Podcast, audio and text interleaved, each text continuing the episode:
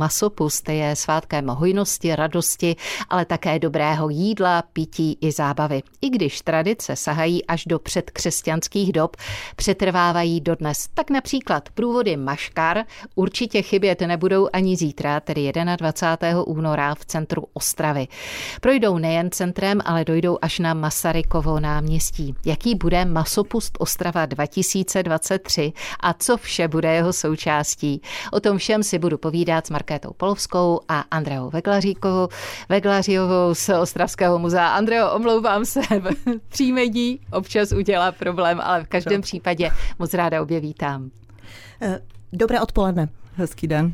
Tak eh, masopust v Ostravě už má svou tradici. Kolikrát tato lidová slavnost na Masarykově náměstí už byla?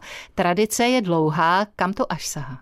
Tak náš ostravský masopust eh, v muzeu jsme začali v roce 2009 a už by to byla vlastně 15. Eh, sezóna, ale vstoupil covid, takže letos máme 14. ročník masopustu Ostrava. Masopust Ostrava mívá po každé i své téma. Každý ročník eh, to téma má trošku jiné. Jaké je to letošní? Mhm.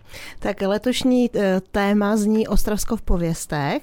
My vždycky vedle toho tradičná dáváme nějaké téma, protože jsme město a lidi to eh, velmi baví a eh, pověsti to byl možná taky trošku můj dávný sen etnografky zpracovat nějakým způsobem ostravské pověsti a z okolí Ostravy, protože samozřejmě je to různě sepsáno v několika knížkách, ale já jsem si pohrávala vždycky s myšlenkou zdramatizovat to a ten masopust se k tomu vyloženě nabízí jednak je to divadlo venku, je to živé divadlo a jednak i s tím masopustem to souvisí tím, že my například v těch pověstech máme i ovečky, které jsou v Beskydech a nebudu prozrazovat více a masopust je vždycky o té plodnosti, prosíme za plodnost, za zdraví, dobrou úrodu a vlastně i hospodářská zvířata do toho spadají.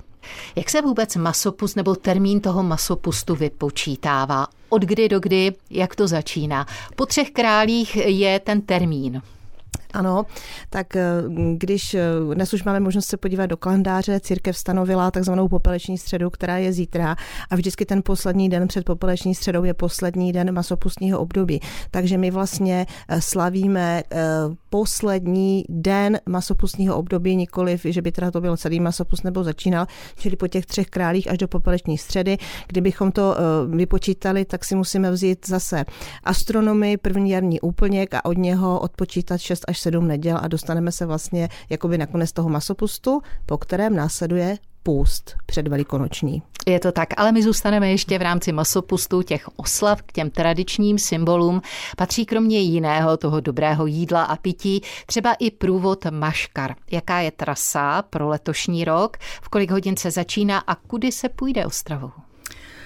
Tak ten eh, průvod Maškar začne na Masarykově náměstí i hned poté, co bude předáno masopustní právo a to bude v pět hodin odpoledne. Předtím bude na hlavním pódiu vlastně spousta scének, hudebních vystoupení, lidových souborů a podobně. A průvod eh, s veřejností eh, se pak dál vydá přes obchodní dům Laso, přes eh, Kuřírinek až k Husovu sadu a z Husova sadu půjde zpět ke katedrále na nádražní ulici eh, k, z, k úřadu městského obvodu Moravská Ostrava a přívoz zpátky po Zámecké a vrátíme se zpátky na Masarykovo náměstí. V kolik? Hodin. Tak a to bude uh, zhruba v 6 hodin večer a ve čtvrt na sedm budou závěrečné scénky zabíjení kozla a pochovávání basy a k tomu se určitě dostaneme. Určitě ano, protože to mě také zajímá. Pochovávání basy by tedy nemělo chybět.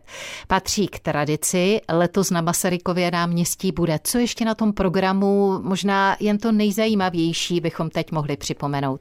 Jeden bod.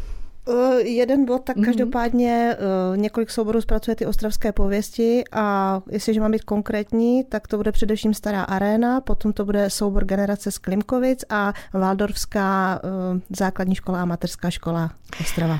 O tom, co vše bude v rámci letošního masopustu v centru města na Masarykově náměstí, si budu povídat určitě i po písničce s mými dnešními hosty Markétou Polovskou a Andreou Veglářiovou z Ostravského muzea. O oslavách masopustu si řekneme víc po písničce. Tradiční masopustní jarmark ten bývá i ochutnávkou zabíjačkových a krajových specialit. No ale nechybí samozřejmě ani zábava, bez toho by to nešlo. O oslavách masopustu si v odpoledním vysílání Českého rozhlasu Ostrava povídám s Markétou Palovskou a Andreou Venglařiovou z Ostravského muzea. Na, začali jsme si povídat o tom, jak bude vypadat program, ale než se k tomu programu dostaneme detailněji, před koncem masopustu už jsme říkali, že zapotřebí, nebo alespoň v tradicích to tak bylo, dobře se najíst, aby dokázali všichni to postní období, které potom následuje, přečkat v plné síle. Tak co se nám třeba z oslav masopustu dochovalo až do současnosti, kromě masek, tak jaký byl ten masopustní jídelníček? No tak především musíme zmínit kobly kolihy, které mají jaksi evokovat podobu slunce, které se k nám navrací, protože už očekáváme toužebně všichni to nádherné. Jaro, koblihy musí být pěkně napučené, aby byla napučená i příroda eh, v nastupujícím hospodářském roce. Potom zabíjačky samozřejmě vepřové, jitrnice, jelita a tak dále. To je samozřejmě velký eh, znak masopustu, symbolika masopustu, protože dříve, když lidé dělávali hlavně na poli, tak se zásobili eh, na zimu, aby měli dostatek masa a také na to v tom masopustním období měli čas, protože skutečně pracovali víceméně doma a v tom domácím hospodářství. Takže to, a zmínila si masopustní jarmark. Já teď předám na chvilku slovo Andrej, protože dopoledne v rámci toho jarmarku se bude letos poprvé něco dít. Tak co se bude dít a bude se i ochutnávat? Ano, ano. E, bude vlastně poprvé pravá masopustní zabíjačka. Řezník vynese pašíka, bude se porcovat maso a přímo na tom Masarykově náměstí bude probíhat výroba masopustních potravin. A pak eh, kolem tři čtvrtě na tři eh, bude možnost si vyzkoušet polívku zabíjačkovou. Mm-hmm. To bude vlastně těsně před tím hlavním programem, který vypukne v 15 hodin. Tak a pojďme teď k tomu programu. Jak bude vypadat letos? Eh, tak program nejdříve zahájí dětský folklorní soubor Hlubinka. Eh, my potom samozřejmě s moderátorů přivítáme veškeré publikum, což jsou samozřejmě ostrahané návštěvníci a tak dále. Eh, měl by přivítat i náš pan ředitel, měl by přijít pan starosta a paní ředitelka Centra kultury a vzdělávání Moravská Ostrava, protože to už jsem zmínila vlastně tři spolupracující instituce, Masopust se koná pod záštitou pana starosty eh, obodu Moravská Ostrava a Přívoz a samozřejmě se koná pod finanční eh, podporou eh, magistrátu města Ostravy. Takže to je takové to, proč vlastně, nebo mm, spolupracující instituce a díky tomu všemu ten masopus už těch několik let vlastně probíhá. Eh, jinak potom, řeknu to velice stručně, eh, Stará arena má eh, tři bloky v programu, kde představí celkem šest ostravských pověstí, vždycky po dvou. Další soubory jsem zmínila, Klimkovice, Vadlovskou školou také pověsti. Co se týče hudby, která neunimyslitelně patří k masopustu, tak nás bude doprovázet hornická hudba, to je novinka, to jsou muzikanti z okolí Havířova. Budou tam jako tradičně naši naši milí muzikanti z Polanky. No a gro průvodu a vůbec toho veselí budou tvořit eh, členové sboru dobrovolných hasičů eh, z Pustkovce, protože ti mají ty tradiční masky, jako je kozel, slamák, medvěd, cikánky a tak dále. A myslím, že ještě nejsem u konce, abych všechno nevyčerpala.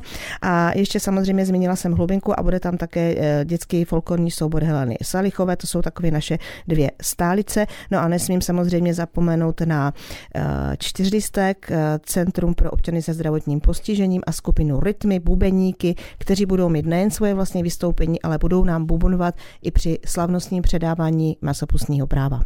Všichni se tedy mohou aktivně zúčastnit. Masopust na Masarykově náměstí bude za každého počasí? Ano, ano, bude určitě. A chtěla bych také pozvat veřejnost na naše eh, dílny, výtvarné dílny, kde si budou moci připravit eh, papírové škrabošky, budou to taková zvířátka masopustní a přidat se potom k nám do průvodu. Ten čas je od 12 hodin zhruba do půl páté. O co bývá největší zájem právě na těch masopustních veselicích? Jenom stručně už poprosím. Eh, jestli myslíš konkrétně Ostravskou, tak samozřejmě ten, ten průvod, ale eh, fakt už máme zkušenosti, že eh, opravdu hodně lidí se účastní toho programu, který trvá už teď bezmála dvě hodiny, protože se hlásí třeba i víc účinkující, všechny to hrozně bavit, takže já si myslím, že to gro je v tom průvodu, ale v loni jsme měli velký ohlas na ty závěrečné scénky, symbolické zabíjení kozla a pochovávání basy, které se děje už většinou při uh, setmění. Už tam těch diváků je trošku málo a mm, loni mi bylo řečeno škoda, že to neděláte předtím. Já říkám, ale taková jsou pravidla masopostu, že skutečně tím zabíjením kozla a pochováváním basy končíme období těch hostin a vlastně muzik, čili končíme masopust. To je zásada. A pravidla masopustu, jak jste sami slyšeli, se budou dodržovat i letos v Ostravě Masopust 2023. Pořádá i letos Ostravské muzeum, je to tak? Ano. ano. A v odpoledním vysílání Českého rozhlasu Ostrava jsem si povídala s Markétou Palovskou a Andreou Venglařovou z Ostravského muzea. Díky moc za pozvání. Přeji, ať se vydaří ty letošní oslavy Masopustu, protože určitě budou stát za to. Děkujeme. Děkujeme. Naslyšenou.